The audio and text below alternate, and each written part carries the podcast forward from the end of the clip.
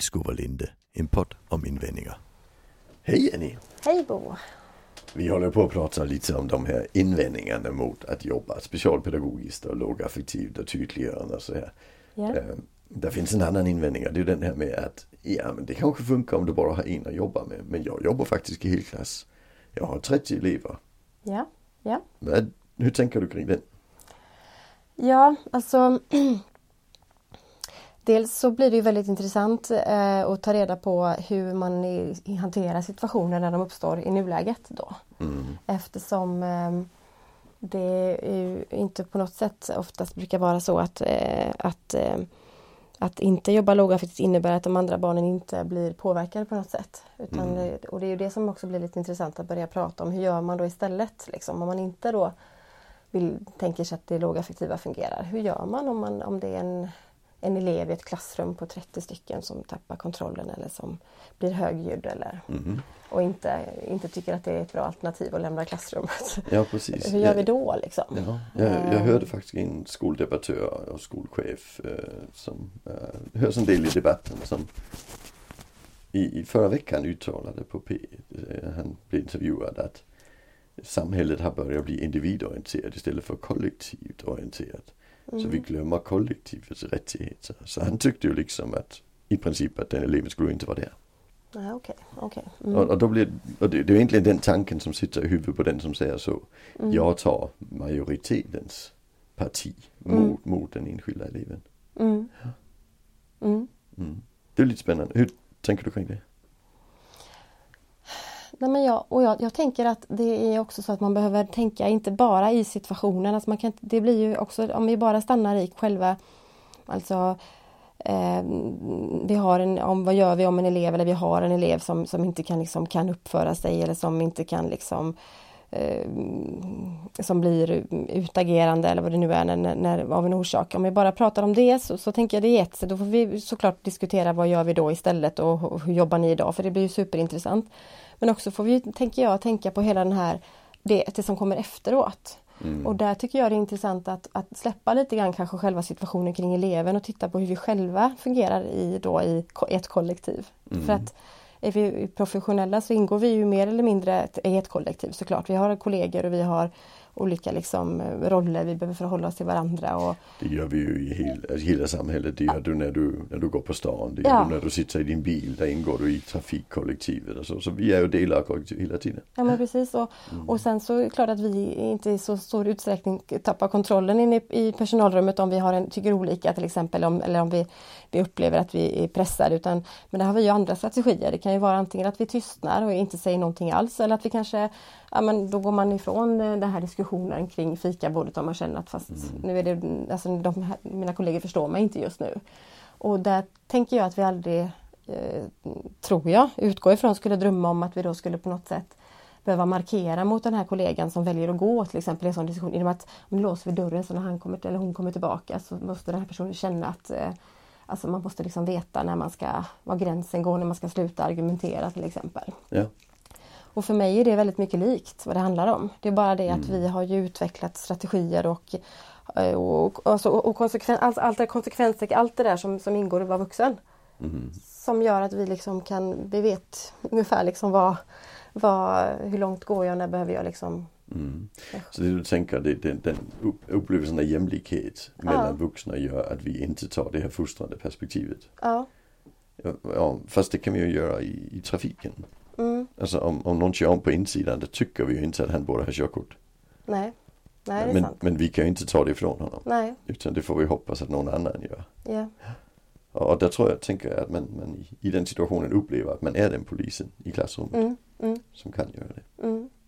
Och ofta är ju då argumentet kanske, eller oron ska jag säga också, för det finns mycket oro i det, att man är rädd att det ska liksom ha negativ påverkan på de andra eleverna ju. Att om, Mm. om, om, eh, om vi inte markerar tydligt mot den personen som, som agerar ut i klassrummet så kanske fler kommer att, alltså då kommer då kommer inte de andra barnen heller anstränga sig den dagen de känner att de, eh, det blir för mycket utan då kommer de också kasta böcker och stolar och bänkar och så. Det är en sån Ja, katastroftanke. ja men den, är inte, den är ju, och kommer ju ofta i, sam, i, i de här samtalen, tänker jag, den Ja. rädslan. Är det, tror du den är verklig eller är den... Nej, eh, definitivt inte. det, definitivt det är inte din inte. erfarenhet att det Nej, blir så? verkligen inte. Utan däremot brukar det istället då vara... Eh, för det är klart att det kan finnas några eh, eh, liksom elever som, som, som, som undrar liksom, vad ska du göra nu och så. Men, men det är ju oftast då kanske för att vi har också, om vi ska vara helt ärliga, så kanske det faktiskt är så att vi har på väggen har vi regler om hur man ska göra, vad man får säga och inte. Så det är ju egentligen de som, som ställer till det. Mm. Eh, eh, så det kanske är det man behöver fundera på. Vad har vi, vad har vi, vad har vi pratat om för ordningsregler eller vad, vi, vad, vad, vad säger vi ska gälla i klassrummet? Mm. Eh, för, att det blir ju svårt för såklart en del utav eleverna att se att det står jättetydligt här, så här gör man, det här är fel och det här är rätt. Mm. Men, men om vi istället försöker att ha en liksom en coolare inställning till det och faktiskt kan bekräfta att ja det här är jättejobbigt det du ser just nu. Och, men det men den här personen, som din klasskamrat, han är stressad just nu liksom. Och, Jag, jag upplever att de flesta barn har full koll på det. Absolut, Alltså fullständigt. det, det, det, det, det, är ju, det, är ju, det är ju Lasse, han gör ju på det viset. Ja, Ja, alltså det, det brukar ju sällan vara problem. nej. Mm. Och jag, jag brukar ofta när jag, i mina utbildningar använda både när jag pratar lågaffektivt men också tydliggörande pedagogik och på något sätt använda den här, den här bilden av, som är gammal, jag vet inte exakt hur gammal, men en magister Uggla som står bakom katedern och säger till sina elever, varav den ena är en fisk, den ena, ena en ekorre, den andra är en gris tror jag. Mm. Och så är det väl en eh, elefant. Och så, Mm. står, och så säger magister Uggla som är klok som en bok, för det vet man ju. Det är ju Mm. ugglor så. Och han, han säger att eh, nu ska vi eh, Nu ska ni alla få chans att eh, visa vad ni kan. Så ni ska få samma uppgift för att det ska bli så rättvist som möjligt. Ni ska alla ta er upp i trädet. Och det är en apa också. Det är en apa också. Ja, Just precis. det, jag har fem ju. Och den, den tycker jag är kul utifrån det. För att det blir ju väldigt konkret. Och det, jag har också använt den när jag har jobbat med barn och ungdomar. Alltså att använt den här bilden. Och Mm. det är så upp, underbart tydligt därför att det blir så självklart till och med för riktigt små barn. Ja, det går ju inte, säger de. Det här, Mm. Varför går det inte? Precis. Eh, Men, men tror inte du att den person som säger men jag har ju 28 andra elever i klassen mm, på något vis utgår ifrån att alla barn har samma förutsättningar? jo, Alltså så, så Ja. där blir bilden ju meningslös. mm, ja kanske. Det är bara för dig som vet att Ja, och, men, och då, men då kan ju den vara en ingång till att man behöver titta, har alla sa- samma förutsättningar? ja, Har, har, alla, har, har, har, har alla elever samma förutsättningar att, liksom, att eh, förhålla sig till mm, de regler som vi har satt upp till exempel? Och, mm. ehm, Jag tycker Mm. sånt är jättespännande. Vi har många regler i samhället. Mm. Eh, är det vissa regler som är viktigare att följa än andra?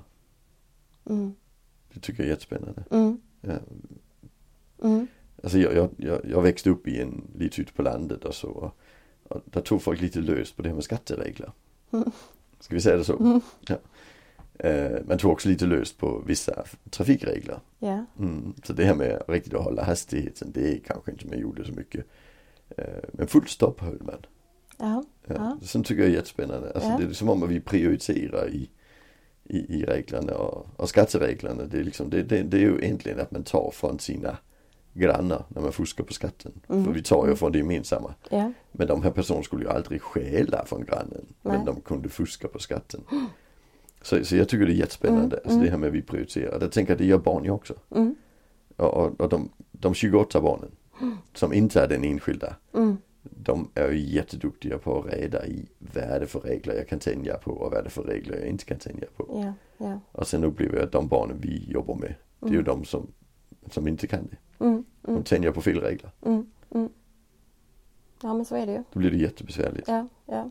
Och egentligen så tänker jag att det handlar ju mycket i, i att egentligen försöka så fort som möjligt komma bort från, det är klart vi måste diskutera om det finns en oro för det här med konsekvenser och om vi inte är konsekventa, vad händer då? Om vi, om vi har flera som bevittnar att vi liksom kanske låt gå nu då, vi liksom eh, vi har en, en elev som kastar saker och vi liksom bara försöker liksom att så snabbt som möjligt lugna situationen och gå vidare. Om vi, om vi är rädda för att det skulle ha, ha en negativ effekt så måste vi prata om det. Men det är inte, det, jag tänker ändå att vi så fort som möjligt måste komma till orsaken till varför det blir så. Alltså, Ja. det, är det är ju det som vi behöver hjälpas åt. Att det är där, vi hit, där svaren finns ju. Ja. Ehm, Jag, jag tycker man kan ta ett exempel om typ trafikregler är lite kul. mm, Eh, I, I Sverige är det ju så att jag, jag brukar använda begreppet att uppföra sig. mm, Och det är jätteroligt att veta, mm, alltså är det regeln som gör att du uppför dig eller är det en viss, ett visst gummiband i vissa regler? mm, Och det tror jag det är. Alltså, Mm. om, om, det står, om det står 110 på, på skylten på motorvägen och du kör 120, uppför man sig då? Mm. Vad tycker du? mm. Jag hängde inte riktigt med på vad du sa där. Ja men upp, uppför man sig när man kör 120 på en 110 väg? Eller, eller är det över gränsen att inte uppföra sig? Nej, just. Jag tror, att, jag tror nog att det är klart man egentligen, ska vi vara riktigt, ja, konkret sett så vi, det gör man väl inte då. Men Nej men fast vi accepterar Ja, ju det, det inom helt- gränsen för att uppföra sig. Ja, Men inte när man kör 220. det är nej, ju inte att nej, uppföra sig. Nej, nej. Det är ju jättespännande. Och om vi då ser sådana små trafikbrott, att uppföra sig, det, det kan innebära att man fortfarande kör lite för fort. Mm, Men om det är så att du, att du kommer fram till ett ställe där du eh, måste lämna företräde mm, och sen inte gör det. mm, Det det det. är ju egentligen också en liten sak. Ja. Men det är inte att uppföra sig. Nej, nej Om, verkligen om någon inte. annan bara måste slå lite, bromsa ner lite för att du kör ut. Mm, Det är fan inte att uppföra sig. nej, nej. Fast situationen är inte farlig. Alltså för det, det var god sikt och så vidare. Så, så där tänker jag det vanliga barnet ser ju att när jag kör 120 då sabbar jag inte för någon annan. mm, Men när jag kör ut när det inte riktigt är tid egentligen och, det, och jag inte ens ska lämna företräde. Då sabbar jag för någon annan. Och det, Just som, det. det är att uppföra sig, det är inte att följa, inte följa regeln. Det är att sabba för någon annan. just det. Just det. Och, och, och där tänker jag att, att när vi har reglerna så måste vi ju förhålla oss till att de vanliga barnen kommer ju också att tänka lite på det. Ja, Och, det är därför kepsregeln är så dum. För Mm. att om du har bara keps, där sabbar du inte för någon annan. nej precis. precis. Alltså, så, så vi måste ju ha regler som ger mening för eleverna. Och det gör regler som gör att man, det får du inte göra för då sabbar du för någon annan. Det, det är liksom mänskligt. Ja, ja, Men, men, men, men sen har vi ju massor med andra regler och sen har vi ju barn som inte fattar att de inte sabbar för någon annan. mm, mm, Och då blir det ju riktigt besvärligt. mm. Men 28 av 30 kommer inte att bryta regler där de inte sabbar för någon annan. Nej men det är precis. Det är precis. Eller inte att bryta regler, de sabbar för någon annan. Men Ja. de kommer att bryta regler de inte sabbar för någon annan. Och sen har vi Kalle. Ja, Han bryter alla reglerna lite grann. Ja, ja. det är jättespännande. Ja men jag tänker också det och, och, och sen så om vi ska, om vi ska titta på om, om det blir riktigt liksom tuffa utageranden i klassrummet. Det är kanske oftast då som, som, som eh, det kommer upp tänker jag. När det blir liksom vi måste, vi måste, vi vet att vi inte borde men vi kanske ändå, vi måste liksom vi måste se till att Kalle kommer ur klassrummet. Ja, Mm. det, det känns inte bra och, och, och, och man kanske till och med vill ha handledning, han. ja, ja han sabbar och, och Mm. man vill ha handledning, hur gör vi eh, då? Eh, och Samtidigt så är det ju så att det man egentligen då vill veta det är ju hur, hur, hur, hur, vad är hur snabbaste vägen till att få Kalle att fatta att så gör man inte. Ja. Eh, och, och det är ju det på något sätt som ibland kan kännas lite tufft då. När man inser Mm. att det, det är inte det vi kommer, det kan vi inte fokusera på nu utan vi får, vi får försöka hitta ett sätt så att vi, hur, vi, hur vi ska hantera det. Vad gör Och- vi när Ja, ja. Mm. Och, och, och, ligga, och ligga steget före. Det är ju, alltså det, det är ju det som egentligen eh, det är det som är lösningen Mm. på något vis. Där vi också är inne i en, en jätte, jättedjup eh, konfliktspricka i, i tänkande. Mm. Är det så att skolans uppgift till exempel är att lära alla barn det de inte annars har lärt sig så att de kommer att passa in? Eller är det skolans uppgift att lära barn att läsa, skriva, räkna och sen får vardagen att funka medan vi gör det? Mm. Mm. Det, det, det, det, är faktiskt väldigt stor skillnad. Ja, det, ja det är det ju. Det är det ju. Och det finns folk som tror att har jag inte lärt honom det kan han inte. inte. Alltså för, för barn läser ingenting av sig själv. Nej. Det är jättekonstigt. Jag, Mm. jag, jag hade ett så roligt samtal. Uh, det finns ju sådana metoder på autismfältet som handlar om att, träna väldigt mycket. Uh, Mm. TBA.